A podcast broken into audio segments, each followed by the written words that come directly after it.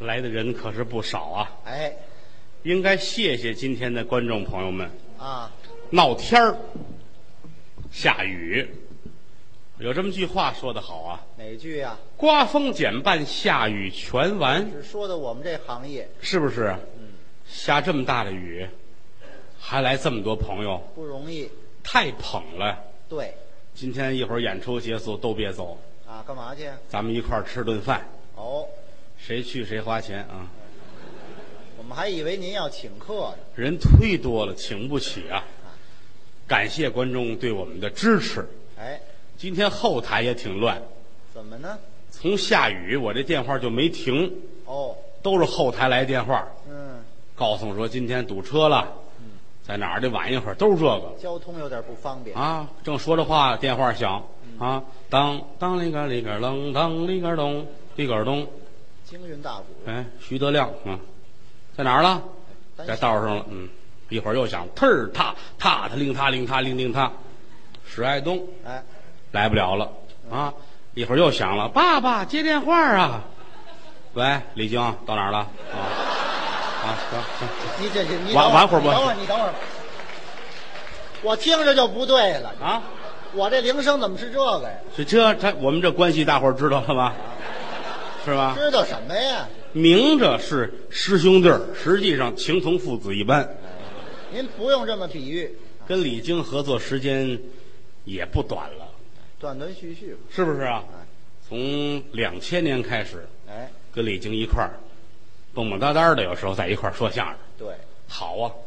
您别捧我。我很作兴你们这这样的人，什么叫作性好，李菁啊？了不起的人物，我不敢当会唱快板儿，啊，会说相声，嗯，尤其快板儿唱的太好了。您别捧，这是北京丐帮的少帮主，怎么老提这个呀？本来人家要是干自己的专业，嗯，比这个挣得多。这叫什么专业说相声不挣钱呢，啊？人家干他那行，拿着板儿，脖子上挎一兜子，啊，姐前门大街这头儿到永定门，来回四趟，百十块钱跟玩儿似的，知道吗？那挣的也不多呀。那这这，是钱数不多，但他这个这兜儿都能撑满了对，都是零钱，啊。好啊，哪有这行业现在？你要光会说相声，挣不了这么多钱。嗯，看起来人就得多知多懂，哎，您这话倒对，是不是啊？拿我来说吧，我就很喜欢学习那好啊，啊，爱研究。这您乐什么呀？研究什么呀？我是一个二手的科学家，这科学家也有二手的因为咱们不是从小学的，哦，半路出家。后学的这哎，有这么句话说得好：啊哪句啊？科学家的肚儿是杂货铺。哪有这么句话呀？老词儿不有这个吗？那是相声演员演员的肚子啊，我反正是多知多懂，好。后台有什么事儿，他们都问我啊，啊。你瞧什么什么事儿，怎么解释？没人知道。嗯，我跟他说，当当当当当，明白了吗？明白了，多好啊！是，对大伙儿有好处。嗯，这些日子张文顺张先生没来，怎么呢？也是前些日子有点事儿，啊，开始害怕，后来我给解释完了，老头儿踏实。哦，张先生前一段时间一进后台，脸都白了。啊，怎么？德刚，来来来来，有事儿。怎么着，张先生？什么事儿？我做一梦，啊，做梦了。吓坏了我了。嗯，梦见什么了？梦见我变成一头牛，在山上吃草。这怕什么就了？是没什么可怕的。做个梦啊，有什么可怕的？早晨一睁眼呐，啊，我床上那凉席儿没了。哦，来人，弄他上医院。哎这是得看看，到现在还没摘干净呢啊！要不好摘。嗯一肚子凉席儿啊啊！这这这些日子没来，是因为这个。所以说，啊，我在后台作用非常的大。哎，没您不行啊，我是北京相声大会科技处的处长，哪有这么一组织？我们得了解啊，得学习啊，是不是？有一个新名词叫克隆，哎，对你知道吗？我不太清楚，你哪知道这个？您给说说吧。你没有啊时间研究这个，哎你净琢磨那个了，对对知对道吧？对您您给说说这克隆啊，啊，怎么回事？这深了，你知道吗？哎，这个早先哎哎啊，科学家，啊！您站好了说话。我们在科学院都在炕上坐着，研究室。嗯没有没有，您就站着说得了。克隆，嗯，大伙儿今天算是来着了啊！我要解释一下什么叫克隆。哎，太好了。克隆呢，在科学上来说啊，它就是复制，知道吗？哎呀呀，上厕所待会儿啊。科学家紧紧裤带。嗨，什么毛病这？比如说，一个牛，从它身上提取基因，嗯就可以再复制一头牛。对，羊也可以，嗯，人也如此。我、哦还能复制人比如说李菁，啊？大伙儿一算这日子啊，说到这月底李菁要死，哎啊，哪位没事算这个呀？大伙儿商量这事儿嘛，是吧？都盼着这天啊呢，是怎么着？怎么办呢？想主意吧，提前做准备，克隆一个李菁，我哦先预备着。是不是？准备一个大白瓷罐子，刷干净，刷干干净净的啊，都擦干了，控控水，没水了，搁边儿搁着。上那个鱼市儿买条胶皮管子，这头儿弄一针头，啊接好了，扎进去，啊！这头儿赶紧缩，嚯嚯！不哦哎，换雨水都见过吧？往外嘬嘬血，搁在白瓷罐里边儿嘬四百斤血，那到不了月底了啊啊，这就死了，哪是吧有死？哎啊，当然了，那也是个办法，是吧？什么是办法啊，不少血吧，啊？差不多，行了，这头拔下扔边上，和楞和楞，看看稠不稠，你知道吗？嗯啊，嚯，搁点葱花，嗯，姜末，搁盐，搁一张李菁的相片儿搁一副竹板儿盖上盖儿通上电，一摁开关，半个小时再揭盖儿出一李菁克隆。后来这个技术被卖血豆腐的学会了，我听着也像做血豆腐。是吧？这都得研究啊，这您就研究这个呀？都得研究啊啊！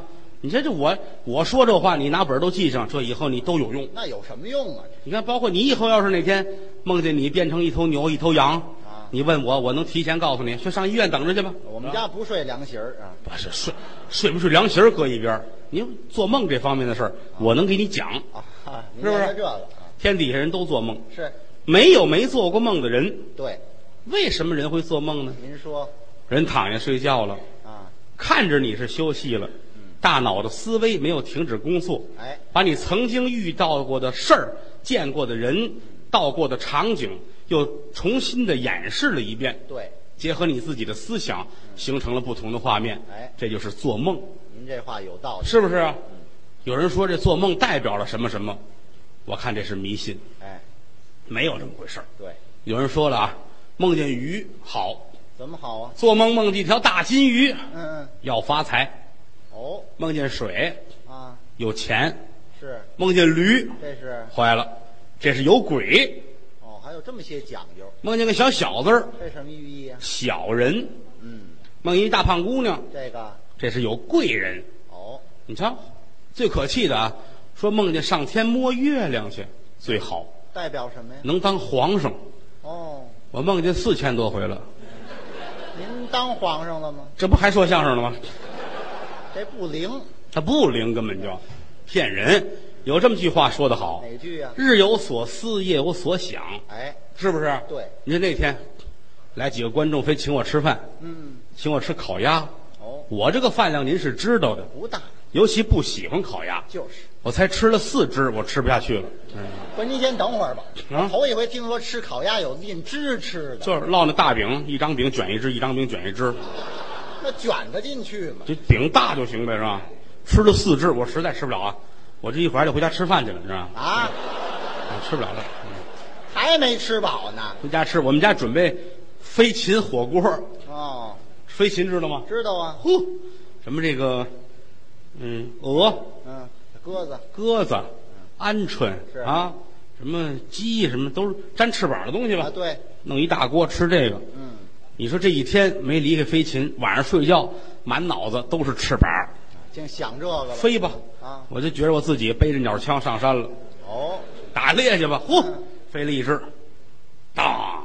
给一枪，打一枪下来了，说这儿还飞一只，当打吧，打了三千多只，把我累坏了。嚯正打着又飞了一个啊，啊，个儿大，哦，多大呀？比天鹅都大，嚯，这翅膀一米来的，你瞧，呱啦呱啦呱啦，呵，瞄准儿刚要打，说话了，啊别打，别打，别打，别打，别打，我不是鸟，不是鸟，这还会说人话。说这话落跟前儿了，嗯吓我一跳，你谁？你哪儿的你？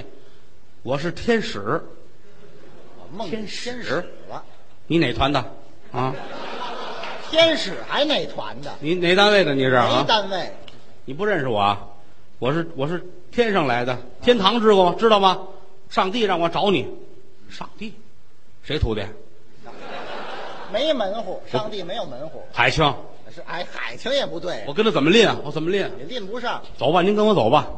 您现在上天堂了，上天堂是死了呀，啊，对呀、我死了，没没没没听这信儿啊，您吃四只烤鸭，您啊琢磨琢磨。撑死了。哎，哦，那倒有可能，对对对对，对对对，跟着走吧，跟他一块儿，他弄块云彩站上边儿，人儿来到天堂，呵，好看，建筑好看，嗯这铁栅栏门儿都关着，嗯，这两边还有牌子，什么呀？天堂左右一百米严禁摆摊儿，天堂还军事管制，不许啊！啊我这儿等着吧。啊，天使说你等会儿，我叫门去。哎，我说哎，我说怎么称呼？怎么称呼？还没问呢。嗯贵姓？啊，你就管我喊三儿就行了。三儿来来，你叫门吧。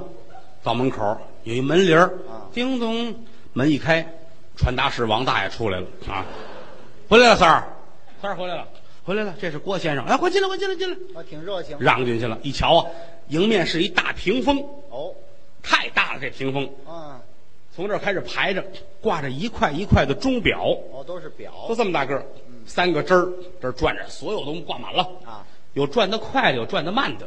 是我说这怎么回事儿？这怎么回事儿？说这你不知道吧？啊，地上有一个男人呐，天上就有一块表，都对应着相对应。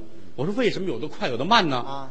好人那个转的就慢哦，坏人那转的快。还有这么一种讲究，哦，哎，李菁那块儿在哪儿了？想起我来了哦，我看看啊，哦，没在 啊，在上帝那屋当电扇用的。啊，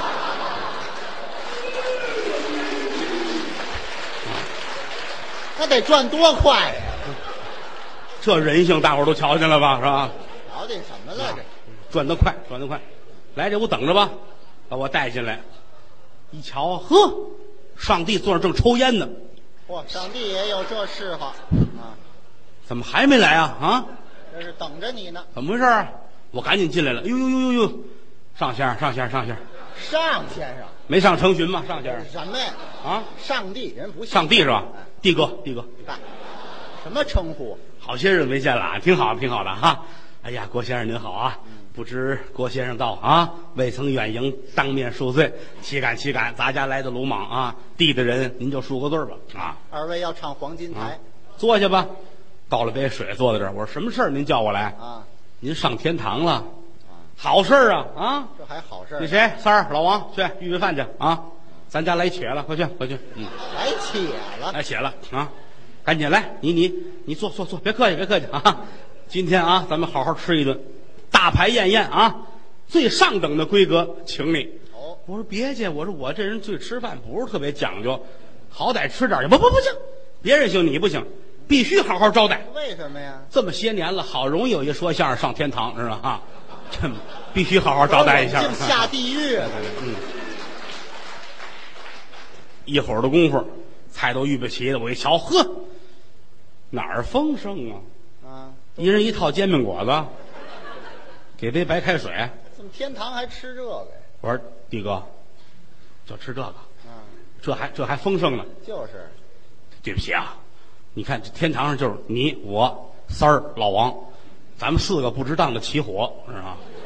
哦，哎你先凑合吃吧，吃吧节约开支，啊吃吧，吃完了坐这儿聊天儿我说这上天堂有什么好处？好处大了，太大了。都有什么呀？啊，你这样吧，因为你是这个很了不起的一个人呐，啊嗯、我们可以满足你一个愿望，哦，你想干嘛都能答应。我说好啊，我希望世界和平，天下百姓们安居乐业，国泰民安，没有战争，行吗？啊，哇，您这要求够高的。上帝想了想，他说什么呀？这难点儿，不好办到难点儿。咱实话实说啊，啊！我没这么大道行，真的啊真的，我也不跟你说别的，这这这上帝这烟够勤知的，道？你换一样行吗？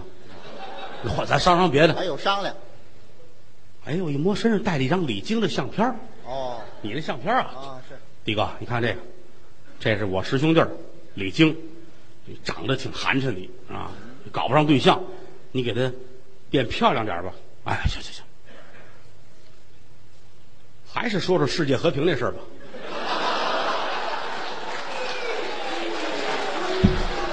哎嘿嘿，别踩了啊！啊，这比那还难呢是吧？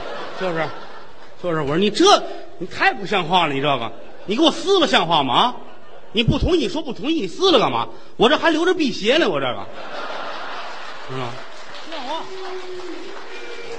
欺负人不行啊！那是咱们俩剧照，他看错了。不能不能，就是你一人了，我特意看了看啊，太不像话了你啊！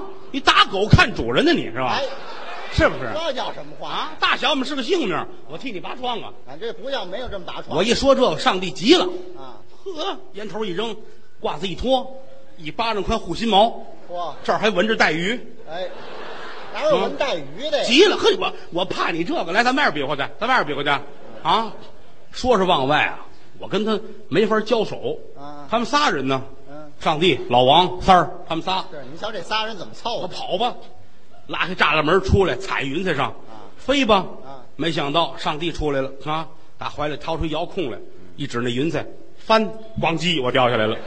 哦，这还能遥控？他管那个玩意儿啊，他管那个打上面人儿下来了，要真掉地，非摔坏了不可。就是啊，砰，有两只手把我接住了，哦，紧跟一扶我站在地上了。你瞧，福大命大，造化大！就是，一瞧这俩人，哼，太难看了，那我长得什么样 啊？比李菁还寒碜。啊您别老提我了，行不啊行？哦，那段过去了哈，嗯，太难看了，一个长一大牛脑袋，一个长一大马脸，手里拿着钢叉，哦，坏了，这是牛头马面呢。你认出来了？咱们瞧那个《金瓶梅》里边有这个呀，是吧？哪儿没有？唐僧取经嘛，是《吧西？游记》那叫《西游记西游记》。